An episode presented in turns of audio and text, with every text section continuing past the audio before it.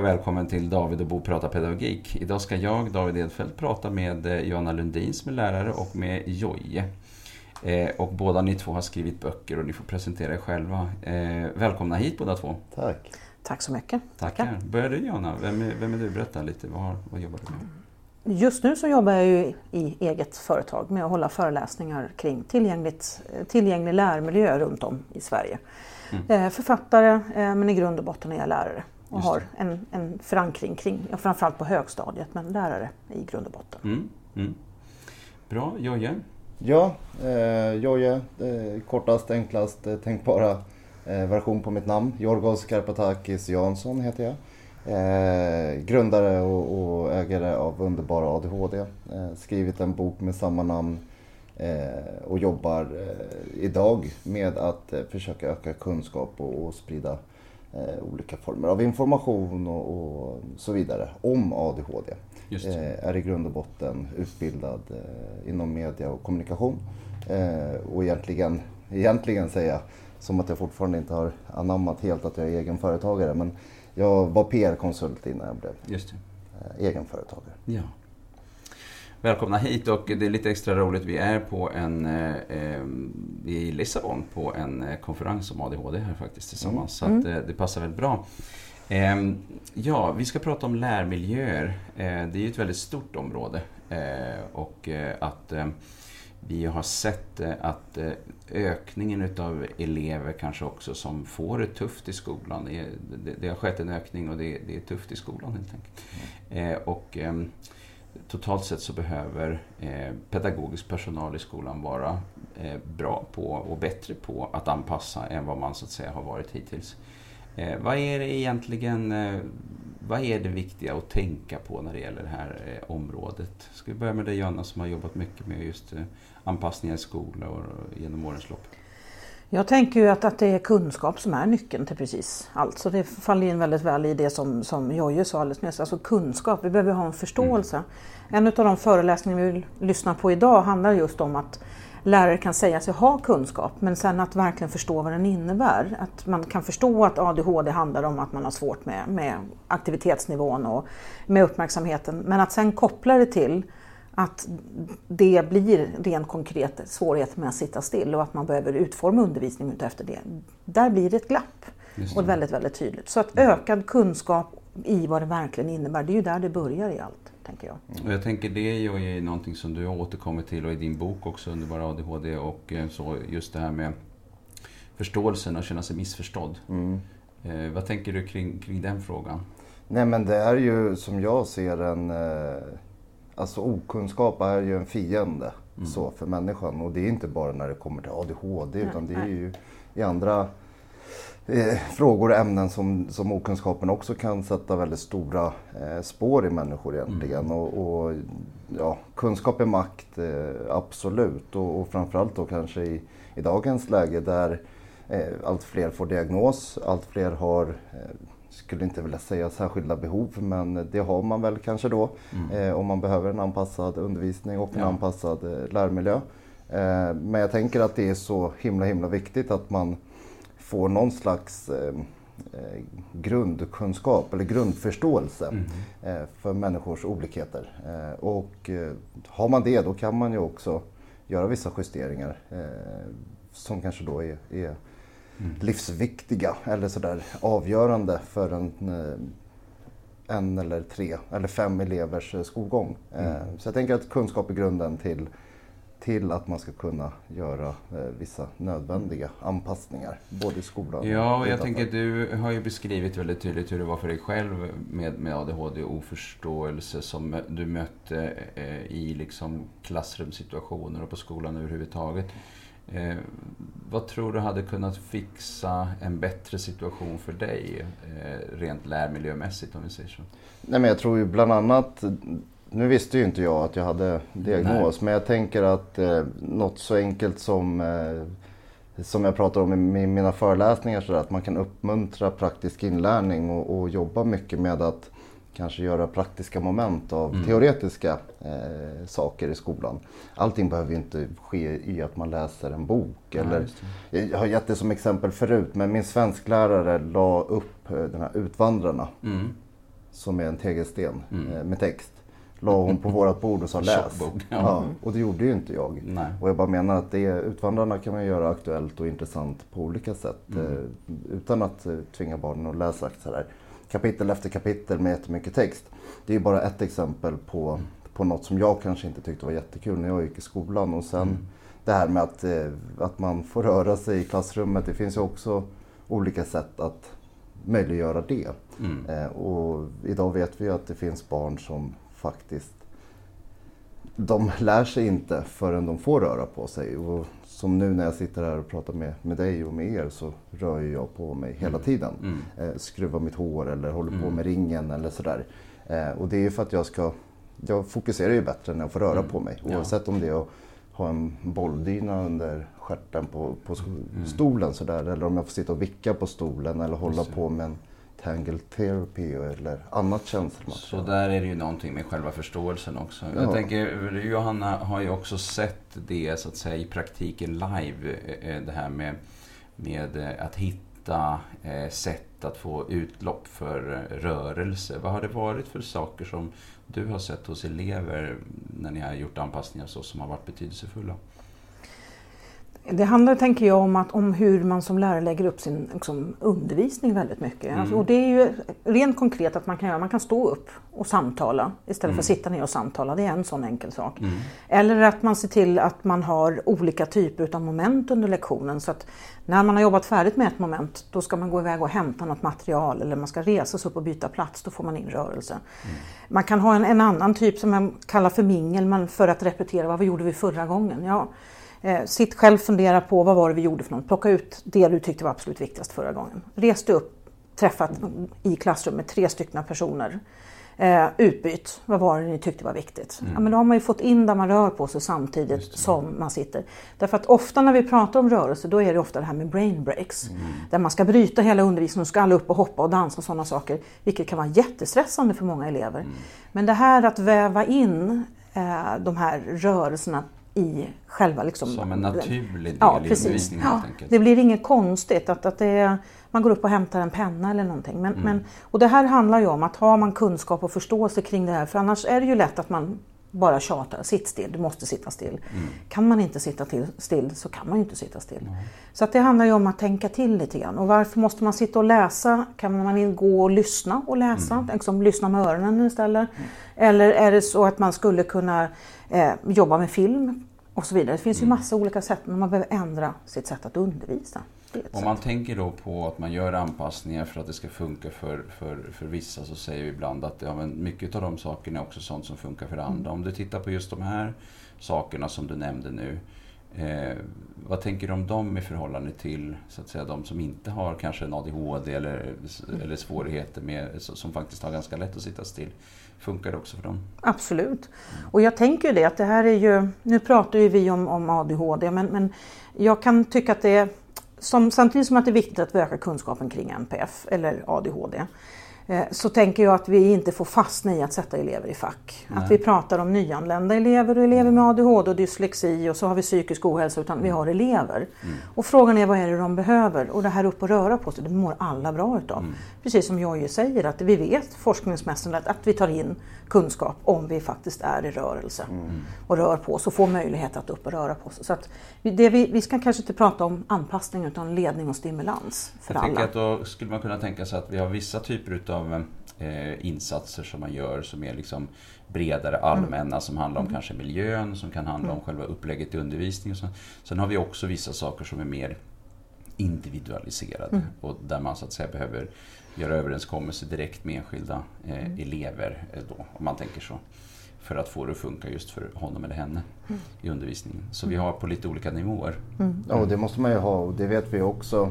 Det säger man ju alltid i all form av stöd och behandling sådär vid eller kring ADHD att det ska vara individualiserat och vi vet att det är det bästa sättet att hjälpa när man då möter individen och, och förser den med det stödet som just hen behöver. Eh, Så det är ju egentligen inget nytt men det kanske är svårt eh, att eh, praktiskt tillämpa det när man har 30 elever. Jag menar så här, lärmiljö och undervisning Och vi vet ju vad, vad många mår bra av men ibland tror jag också att det är svårt eh, i praktiken när det är 30 olika behov som ska tillgodoses och, eh, och sådär. Men, eh, ja, det är väl därför som det kanske finns en poäng i att det finns vissa saker som är gemensamma, breda och så finns det annat som är individualiserat. Och då kanske man kommer en bit på de breda lösningarna. Och jag tror ju att om man, om man jobbar just det här planera för verkligheten är en sak som jag alltid pratar om. Alltså, när man, alltså jag som lärare vet ju vilka elever jag har i mitt klassrum. Det är ju knappast inte någon överraskning. Jag vet ju vilka behov de eleverna har. Och jobbar vi med det breda så tror jag att vi når de allra flesta utav eleverna. Sen har vi ett ytterst få elever som vi behöver det här individuella. Därför att vi i redan från början bygger en väldigt tillgänglig bas. Och då får vi också som liksom bonus på det hela, då får vi ner stressnivån också bland lärarna. Att de slipper känna, jag hinner inte för jag har 30 elever. Fast du ska inte göra 30 olika lösningar utan du ska göra en lösning och sen några så extra liksom för dem. Och då får vi också ner en hel del utav stressen och, och den typen.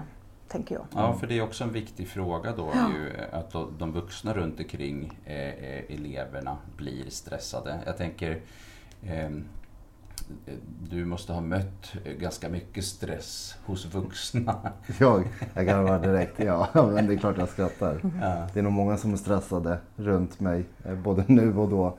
Men ja, det har jag.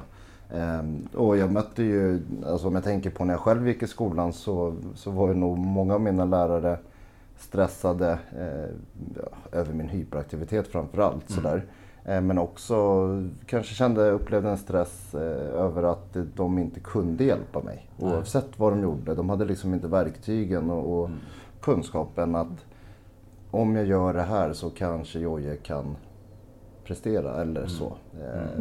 Och det tror jag, så jag tror det var tvådelat deras stress. Att eh, de blev stressade av den jag var men också i, i någon slags frustration över att inte riktigt veta vad de skulle göra för att hjälpa mig. Och sen tror jag att eh, jag idag eh, också kan få människor lite stressade i, ibland. Även Så- om du är hyfsat lugn får man nog jag är ganska lugn nu för tiden när jag blivit äldre, gammal och vis tänkte jag säga. Ja. Men, eh, men jag kan vara väldigt intensiv också, sådär.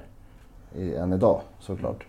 Ehm, men jag tror eh, men jag tror att vi har kommit en bit på väg när det kommer till det där med rörelsen. Jag vill bara slänga in det innan vi går vidare. För Ja, det finns ett bra exempel. Det finns flera bra exempel. Mm. Eh, En skola som har gjort om sitt eh, klassrum till ett litet minikontorslandskap typ. Mm.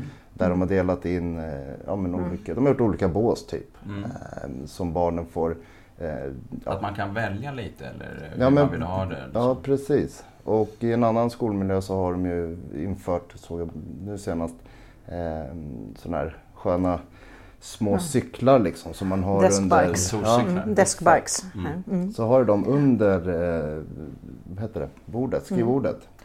Eh, och så cyklar man samtidigt som man eh, pluggar. Och man då, in rörelse också. ja, då lär man sig ju bättre. Vissa gör ju det. Jag var på, just, jag tror att det är samma skola vi tänker på, jag var där och hälsade på för ett par veckor sedan.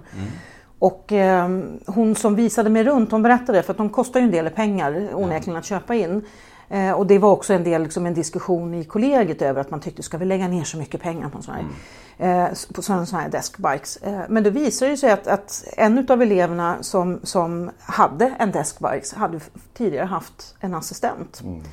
Och den personen behövde inte assistent längre. Därför fick ur sig sin liksom. Utan helt plötsligt så satt eleven och jobbade koncentrerat och klarat därför att vi kunde kanalisera sin energi. Och om man då tänker på att ja, men resurser och så vidare. Så att det här var ju inte alldeles ypperligt. Förutom allt det här att man får själv känna att man klarar sin situation och så vidare.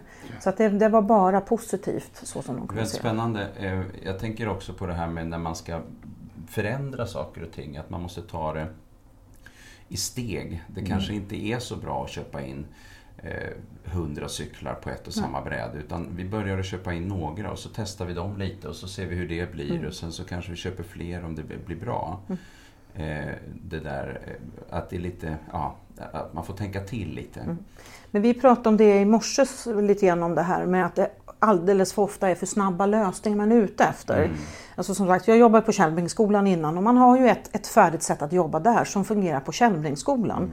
Men det är ju ett koncept som andra vill kopiera rakt av. Och det funkar ju inte riktigt så utan man måste ju först göra en så här vad har vi för behov, vad har vi för utmaningar i vår verksamhet? Och sen behöver man prova saker, utvärdera. För det är oftast det man missar. Snabba enkla lösningar och sen så känner man sig frustrerad för att ingenting funkar. Ja men har du utvärderat det som görs? För har vi inte utvärderat så vet vi inte vad var det som funkar. Mm. Så att man behöver jobba med tålamod och som du säger, ett litet steg i taget. Ja, det finns ju inga quick fixes. Nej. Man, vi vill ju ha det idag i vår mm. värld. Mm. Så, ofta. Mm. Eh, både privat och Det är skönt att snabbt få lösningar på saker. Ja. ja. eller hur. Men det är jättesvårt att få eh, så snabba lösningar på stora saker och ting, tänker jag. Så det måste få ta tid. Och det, det är också en jag tycker alltid är en kunskapsfråga men för att få tid att göra vissa förändringar, utvärdera och så vidare, då, då behöver man också få resurser för att göra det i mm. form av tid. Eh, så jag tänker att det, det, hänger ihop, men det är jätteviktigt. Mm. Det måste ju då vara någon som är drivande i att eh, få ihop, eh, eh liksom om vi tänker oss på en skola, ett helt kollegium i detta. Rektor. Det måste vara nyckel. rektor som är nyckel i detta. Ja. Precis. Eh, vad är det mer för typer av anpassningar som, som vi ser? Eh, du har varit med och, och åstadkommit just det här med du var inne här Jojje och pratade om det här med, med, lite bås eller lite egna lösningar. Så där. Vad, vad, är det vi kan se mer för någonting som kan Kepsen. hjälpa?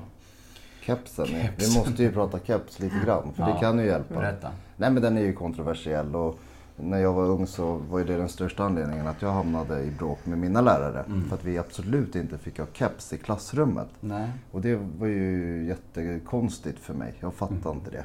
Jag fattar fortfarande inte det. Eh, och nu när jag blivit äldre så har jag förstått eh, tillsammans med, med, några andra sådär att kepsen kan ju faktiskt vara ett hjälpmedel. Mm. Kanske inte bara ett utomhusplagg som man har på sig för att vara tuff utan eh, har man intrycksallergi som jag och många andra med ADHD har då, då kan ju den där skärmen på kepsen faktiskt hjälpa till att skärma av alla olika intryck. Skärma av intryck och ja. på så sätt vara lite mer fokuserad. Ja, och jag tänker att det är ett jätteenkelt, effektivt och superbra sätt Eh, att eh, skärma av mm. de intrycken. Och många ungar har ju också keps redan så det är ett gratis hjälpmedel. En jätteenkel mm. grej att göra. Men jag tror att varför mm. man fortfarande sitter kvar i kepsfrågan är ju för att det är en väldigt enkel sak, om igen det enkla. Mm. Alltså att man fokuserar energin på att ordningsbetyg eller vi ska ha liksom kepsförbud och mobiltelefonförbud det är enklare det än att börja jobba på djupet som man faktiskt behöver göra om mm. vi då ska få till den här riktiga förändringen och verkligen skapa en tillgänglig skola. Mm. Då behöver vi jobba tålmodigt, men då är det lättare att kasta in diskussioner kring varför ungarna keps istället för att fundera på hur bra är vår undervisning på den här skolan egentligen? Mm, mm, mm. Hur, hur pass liksom, når vi ett lärande med våra elever med den, det sättet att arbeta? Det är jättejobbigt, det är lättare att skälla. Liksom, så keps. är det ju. Och sen så tänker jag att vissa saker man kanske inte då ska göra. Mm. Kan vi ta, eller ett exempel i alla fall och det är ju det att bygga skolor med glasväggar. Som görs, som är modernt nu. Det är ju lite intressant för de brukar ju tejpas över ganska mm. snabbt. Mm. Ja, eller sätta upp gardiner sådär för att det kanske mm. inte funkar superbra. Och det är ju jättetrevligt. Alltså jag förstår ju tanken i att ha eh, öppna mm. ytor, öppna stora ytor och så vidare.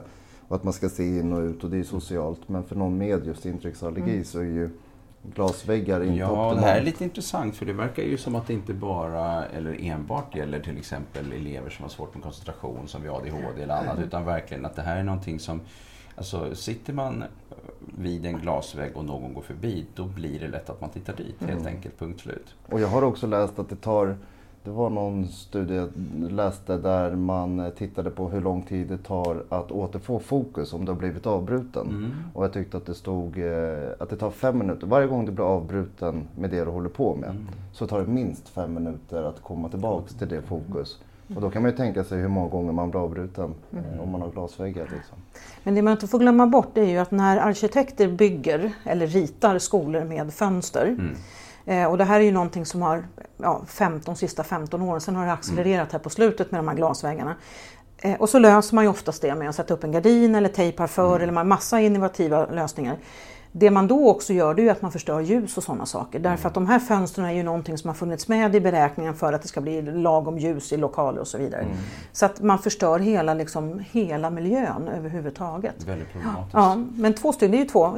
Glasfönster och så de här gradängerna, det är ju de två heta i skolans värld verkligen. Gradänger, berätta Ja, gradänger det är ju så här, som en stor trappa. Ja. Och så ska man ha det som en form av samlingspunkt där man har någon slags bild av att det är härligt för eleverna att sitta i den här trappan och samtala och diskutera.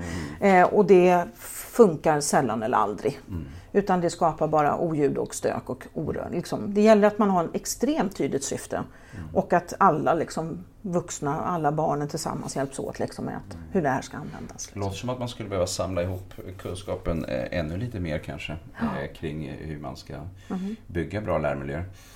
Eh, vad har vi mer då för någonting som... Eh, Ska gå tillbaka till frågan kanske, för frågan mm. var ju... Lärmiljön. Ja precis, och goda exempel mm. på mm. Hur, mm. hur man gör. Men time timer tycker ju både du och jag väldigt ja, mycket de om. Det borde finnas en i varje klassrum. Ja. Och det, jag var på en skola i Vaxholm för någon månad sedan och föreläste och där hade de det.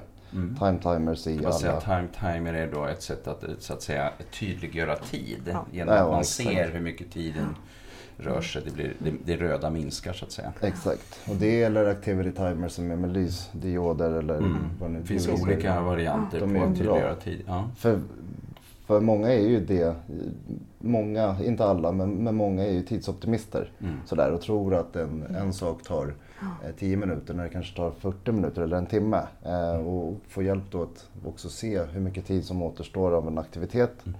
Eller en, eh, ja, lektion. Det kan ju vara jätte, jätteviktigt. Och det är också ett sätt rätt, att liksom. förbereda sig eh, ju då. På att, nu kör vi tio minuter och sen är det nästa mm. grej så att säga. Ja. Men om, ska, om, vi ska prata fysisk lärmiljö i stort. För alltså, mm. alltså, det här är ju sådana här saker som är fantastiska. Time timer är mm. superbra. Så tänker jag så att det, det, min erfarenhet är ofta när jag får förfrågningar att komma ut på skolor och hålla föreläsningar kring det här. Då vill man att, man, att jag ska prata fysisk lärmiljö. Mm. Och det handlar till 99% alltid om hur man ska möblera i klassrummet. Ja. Och jag hävdar med en dåres envishet att vi börjar i fel ände. För vi behöver börja med kunskap innan vi börjar ändra i miljön. Mm. Och ska vi ändra i miljön så måste vi ändå ha ett kunskaps... Liksom, eh, jobba med kunskap samtidigt. Därför att börjar vi ändra i den fysiska lärmiljön eh, då behöver vi också ändra vårt sätt att...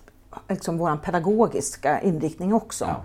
Och, för de två hänger väldigt tätt tillsammans. Mm. Eh, för att det här traditionella sättet att möblera som det fortfarande är, det är klart att det är det är tufft för väldigt många elever och speciellt elever inom MPF där man ska sitta på rad och man ska titta framåt och hela tiden det här att det är läraren som är mittpunkten. Och här behöver vi fundera på, ja, men kan vi skapa eh, enskilda arbetsplatser för eleverna med mm. möjlighet med skärmar emellan? Finns det möjlighet att ha alternativa sittmöbler? Måste man sitta ner? Kan man stå upp lika väl som att man mm. sitter ner? Behöver vi alltid vara så att vi sitter i en grupp? Det är ju vissa som tycker att det är jättejobbigt till exempel. Mm. Men, så det är någonting med flexibiliteten ja, egentligen då? då? Ja. Mm. Och så måste du utgå ifrån vad är det för någonting vi ska göra i det här klassrummet? Alltså mm. Klassrummet kan ju vara ett pedagogiskt verktyg som vi kan använda oss utav. Mm. Men vi behöver börja i rätt riktning eh, och fundera på vad vill vi egentligen?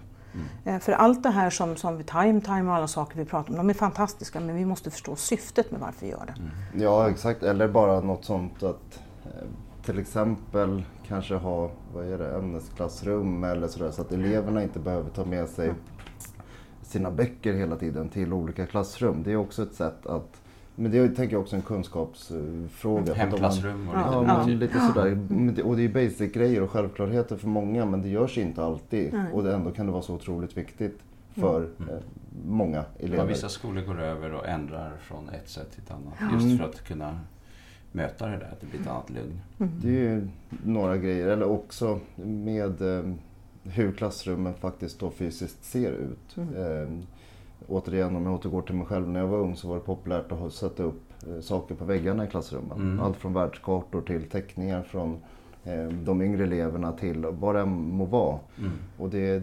åter, kommer tillbaks till det här med intrycket. Men för någon som jag som dels eh, har lätt för att dagdrömma med mm. bort men som också ser och hör allt som händer runt omkring mig så är det jättejobbigt att ha väggar fyllda med ja, olika former av konst eller eh, uppgifter och sådär. För att mm. då kanske jag fokar på det mm. mer än vad jag ska foka på, på vad läraren säger. Mm.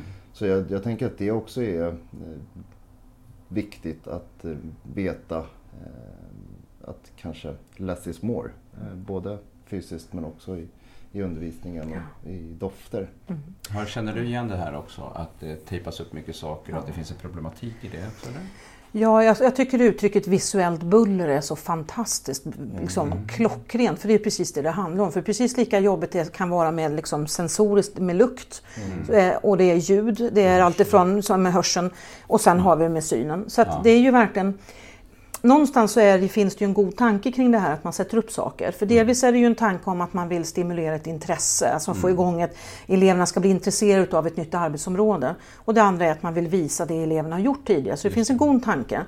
Mm. Eh, och om man tittar i England, så många svenska skolor åker dit och besöker och tittar, där är det väldigt mycket saker på väggarna. Och där är det ju, nu är det en diskussion om ja, men hur kallt ska vi ha på väggarna? Tittar mm. man i England, tittar man i USA så är det ju smockat på väggarna. Och då behöver vi gå tillbaka, hur funkar hjärnan? Jo men hjärnan klarar ju inte när det blir för mycket. Alltså vi kan ju inte fokusera helt enkelt. Och då är det så att åt det hållet eleverna tittar, där ska det vara den information som man behöver, punkt slut. Mm. Sen så får man fundera på att måste saker sitta uppe på väggarna? Jag tänker elevarbeten. Eller är det så att man istället för ett vanligt traditionellt föräldramöte har ett vernissage och sätter upp sakerna då. Mm. Så att om igen det här, vi behöver ett syfte. Varför gör vi på saker och sätt, eller på sätt, olika sätt? Mm. Eh, och det här att duka upp för ett intresse. Det är också så, saker som sitter på väggarna under en lång tid, vi ser ju inte det till slut. Så att ska vi ha ett intresse då behöver vi duka upp med att åh, nu ska vi prata om andra världskriget. Hur kan vi göra det? Vilka föremål, filmer, bilder kan vi göra så att det blir ett intresse? Mm. Så behöver vi tänka. Det är syfte och, och sådana saker som är viktigt igen. Jag ser plötsligt framför mig att man sätter upp rullgardiner som man liksom kan dra ner som är vita mm. framför all tecknen. Så drar man upp dem när man måste visa någonting ja. på dem. Ja, underbart! ja, kreativt! Eller hur? Ja. Mm. Så man drog ner kartor en gång, ja. rullade ner ja. kartor en gång i tiden så, så, så rullar man istället upp ja. Fantastiskt. Ja. Mm. Ehm, ja, är det något annat område som, som också är betydelsefullt när vi pratar om det här med anpassningar och, och, och lärmiljöer? Ja, men jag vet inte hur... Något som är väldigt viktigt för mig, förutom att visualisera återstående tid, det är ju mm. också att visualisera allt. Alltså har du en Planering lektion, och, och ja, vad som ska hända. Och... Innehåll på lektion till exempel. Ja. Och, och, jag vet att Johanna pratat om det förut och jag gör det när jag föreläser också. Att vikten av att bara spesa vad som ska ske. När. Att man kanske då har något så enkelt som att man skriver upp dagordningen tänkte jag säga. Nej, men Vad som ska hända på tavlan typ? På något så enkelt. Mm. Eller att man jobbar med bildstöd i olika mm. eh, former och format. Eller visuellt stöd. Att man mm. sätter bilder på till exempel då idrotten eller där pennorna är eller där papperna är. Och mm. Mm. Att göra det tydligare. Det är det här som vi pratar om som heter tydliggörande pedagogik. Ja. Eh, ja. Att, att, vara bättre på att svara på de här frågorna. Varför ska vi göra det? Vad och var och med vem och hur, och, när och, och, så när och så vidare. Och det är ju återigen också basic grejer men det kan mm. vara så otroligt viktigt. Att lyfta fram och poängtera. Sen skulle jag vilja ta upp det som jag tänker är absolut viktigaste. Det är ju att vi hela tiden måste prata med våra elever. Mm.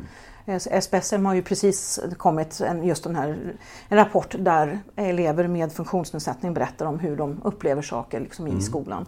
Och där är ju så att de vill bli lyssnade på. Så mm. vi behöver ju ställa frågor istället för att vi hela tiden som vuxna tänker ut lösningar. Gör det enkelt, fråga eleverna vad är det de behöver för någonting.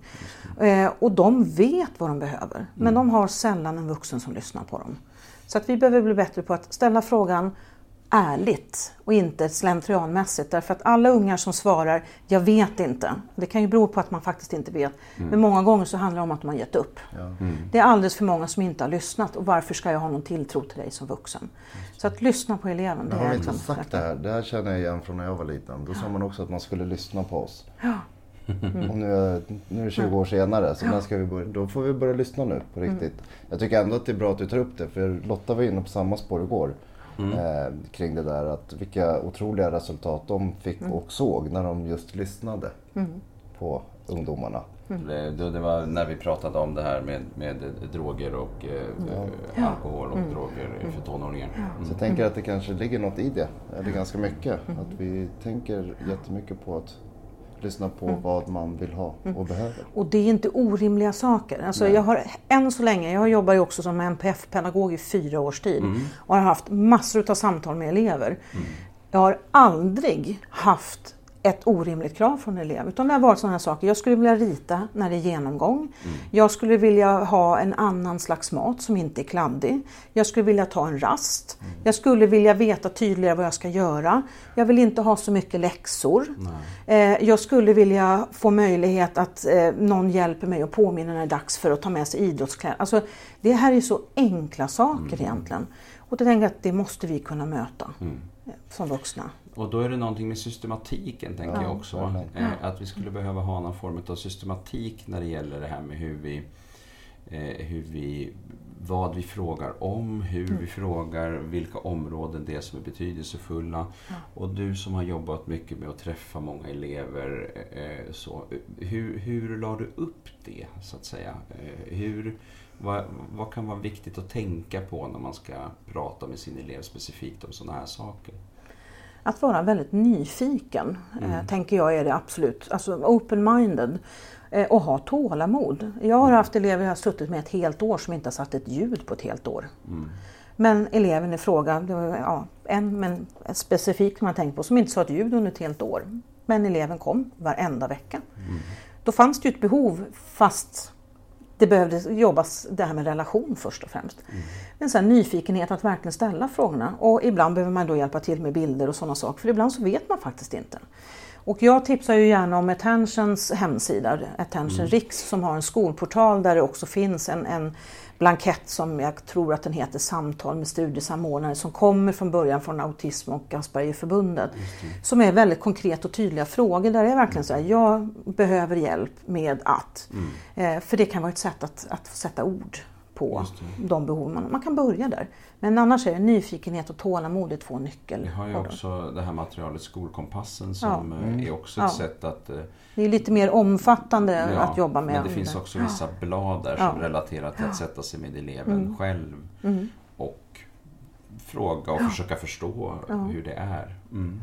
Och det är faktiskt, allt som ofta så handlar det om att, att man behöver hjälp, precis som Jojje säger, att få lite perspektiv också. Att man upplever att det är kaos och att det är jättejobbigt och man vet inte vad man ska göra.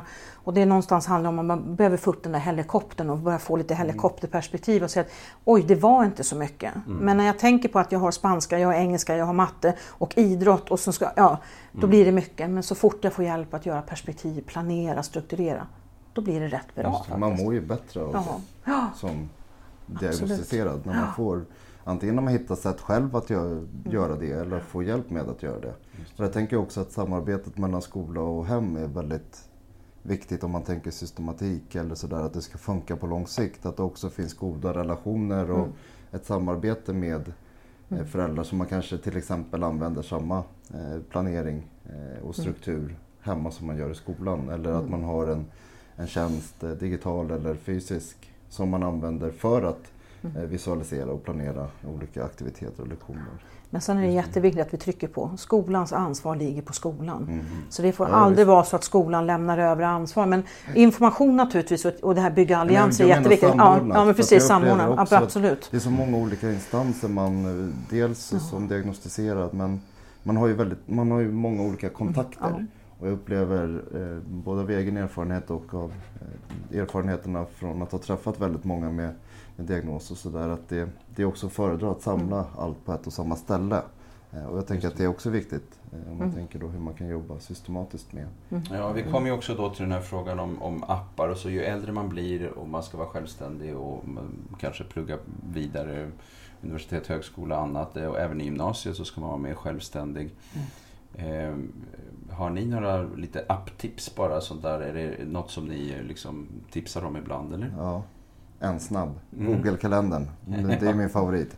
Eh, och det har jag skrivit i min bok och säger på mina föreläsningar att det är min lifesaver. Mm. Utan den funkar jag inte. Vad är det som är viktigt då? om Man tänker liksom eh, alltså almanacka, kalender, alltså... Eh, Det som är viktigt med den här, Ja, jag tänker för att, för att bli en, en användare, som, alltså att att man verkligen använder den.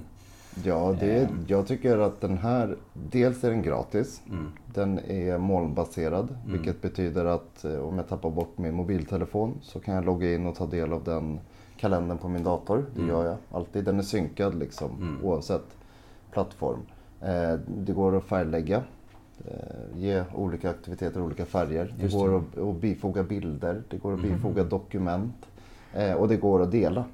Så jag och min mamma eller jag och min sambo eller jag och min lärare kan använda den tillsammans. Mm. Eh, och jag menar, det är otroligt användarvänligt tycker jag. Mm. Eh, och sen när man eh, utifrån egen, eller jag själv, där, när jag börjar använda ett hjälpmedel som jag märker har en, en väsentlig, eh, gör en stor skillnad för mig i livet och Ja. gör mig mindre stressad och ser nyttan med den, då är det så otroligt enkelt. Att få överblicken eh, också då.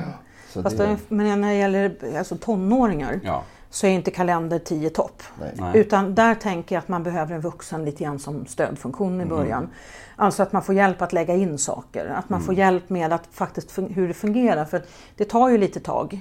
Eh, och Google kalender är suveränt bra. Eh, att- en, en kalender att använda och lätt att ha med sig och så vidare. Mm. Men där behöver man någon som hjälper till att lägga in till exempel och eh, sådana saker. Så att, Just det. Ja, man kan inte bara ge det och Nej, säga men här, precis. använd det. Nej. Utan du, då får man också se till att användaren förstår hur det ska användas. Ja. Och det är överhuvudtaget med hjälpmedel Ja. vet vi ju att eh, ska ett hjälpmedel bli ett bra hjälpmedel så är det ju ofta en slags intrimning och Ja, övning och, på att verkligen få till det. Man ska ju lägga Mm. in saker i kalendern också. Men det är ju samma med bollvästar, det är samma med bolldyna eller sittdynor Ja. eller tangle eller Mm. vad vi än pratar Vad är om för tangle? hjälpmedel. Nej men det är ju sådana här känselmaterial Mm. som är lite knottrig, det är den jag har i alla fall. Mm. Eh, Så kan man sitta och hålla på med den. Som nu när vi Pill- sitter och pilla pratar. lite. Ja. Pilla med den. Jag sitter med snusdosan nu. Mm. Men jag har ofta tangen på kontoret. Så Ja, när jag är i möten så sitter jag och håller på med den för att kunna höra vad personen Ja. jag pratar med säger. Funkar bättre då när du samtidigt får pilla Ja. på något. Och den Mm. är billig och enkel och bra. Och låter inte. Låter Nej. ingenting. Nej, det är det som Allt som inte låter är bra. Typ. Men om igen så måste vi utgå ifrån vilket behov har Ja. eleven. Alltså om det nu är så här, därför att jag kan ju tycka en kalender är bra men om inte eleven eller ungdomen tycker att det är bra så kommer inte den här användas utan först måste man säga vad är det, som, att någonstans börja utifrån dem själva. Just det. Det är Så det är A och O. mm, Vi går tillbaka till eleven. Vi Mm. behöver prata med eleverna. mm, Vi behöver läsa på för att förstå mer Mm. överhuvudtaget. Se och så ta ett steg i taget när det gäller anpassningar. Mm. Kartläggning och så ett steg i taget när det gäller anpassningar. Mm. Kanske inte copy-paste på eh, andra Mm. skolors lyckade koncept utan verkligen jobba upp någonting i steg, är du Mm. inne på. ja. Jag blir inspirerad för jag tycker att det är viktigt därför att ofta när det gäller skolan så är det så mycket negativt. Mm. Och jag tänker vi behöver lyfta alla goda exempel. För att, jag menar, vi alla tre är ju ute och besöker skolor och naturligtvis är det skolor som har utmaningar på, som vi är på. Men vi ser ju också väldigt mycket som fungerar. Ja. Eh, massa goda, kreativa, fantastiska exempel och de ska ju lyftas. Eh, för, och jag, jag gillar ju hela den här sharing-kulturen över, överhuvudtaget, att dela med sig. Eh, för det är ju på så sätt vi kommer vidare. För, för utveckling har ju skett, precis som du Ja. säger. Olle. Det har ju hänt en del. Det har skett och det sker Ja, hela tiden. Så. Men jag tänker att det, det går ju alltid att göra mer. Ja. Ja Mm. absolut. Men lyfta goda exempel är otroligt viktigt. Även om man inte ska då kanske kopiera och klistra Nej. in utan inspireras Ja. framförallt. Se att det är möjligt, för det är det ju faktiskt. Mm. Och att det är faktiskt väldigt roligt, för det är ju skolutveckling man håller på med. Det är ju Mm. superroligt att hålla på med, tycker jag. Vad säger, ja verkligen, det är fantastiskt. Säger jag som lärare och blir alldeles lyrisk. Jag tycker det är jätteroligt.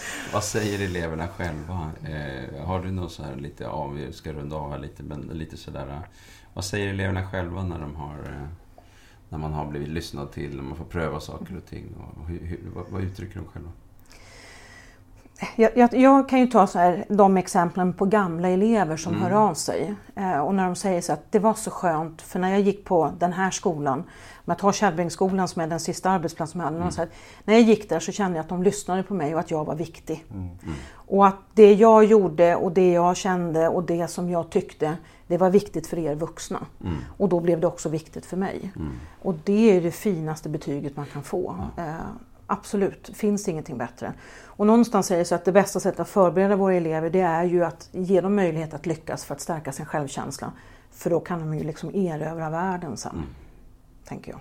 Ja, det är ju många som vittnar om eh, hur viktigt det kan vara med eh, Alltså förebilder är ju inte att eh, förringa sådär utan Nej. tvärtom. Förebilder kan ju vara skillnaden på liv och död för, Mm. för vissa människor om man ska vara väldigt sådär Ja, krass. verkligen. Eh, hade stora äran att föreläsa med Milad Mohammadi för någon vecka sedan Mm. och, och han vittnade just om det. Eh, hur hans, jag tror det var lärare i samhällsvetenskap kanske, Mm. eller sådär, samhällskunskap kanske heter. Mm. Mm. Eh, som han nämnde som ett gott exempel flera gånger under den föreläsningen och, och sa att det var tack vare honom som jag orkade mig igenom eh, min skolgång och eh, orkade faktiskt bestämma mig för att jag vill bli den första som både har en eh, examen i jurist, som jurist och i vad det nu var. Mm. Eh, ja, jag tyckte det var bara var så otroligt inspirerande att höra att eh, lärare kan ha en så stor och viktig roll som förebild, förebilder De, också. har- ja, precis. Och det är, Jag tänker alltid när man står och har en publik framför sig, man ställer frågan eh, ni som har, en, en, har mött en lärare som på något sätt har påverkat er positivt, räck upp en hand. Då är det ju utan vidare så här 50, 60, 70 procent som räcker upp handen och så kommer historier om allt som oftast, och jag brukar säga det att det handlar inte så mycket om ämnen Nej. utan det är ju relationen. Exakt. Att man blev sedd, man blev bekräftad, man kände att det var någon som tyckte om en. Det är ju det absolut viktigaste. Det är Det är kärnan i alltihopa. Det är grunden. Ja, Mm. absolut. Lyssna till. Mm. Och eh, det relationella. Ja, mm. jätteviktigt. Mm. Hörni, vad roligt det var att prata eh, svid här idag. Mm. Och eh, stort tack för att ni ville vara med. Tack. Tack så mycket. Tack så jättemycket.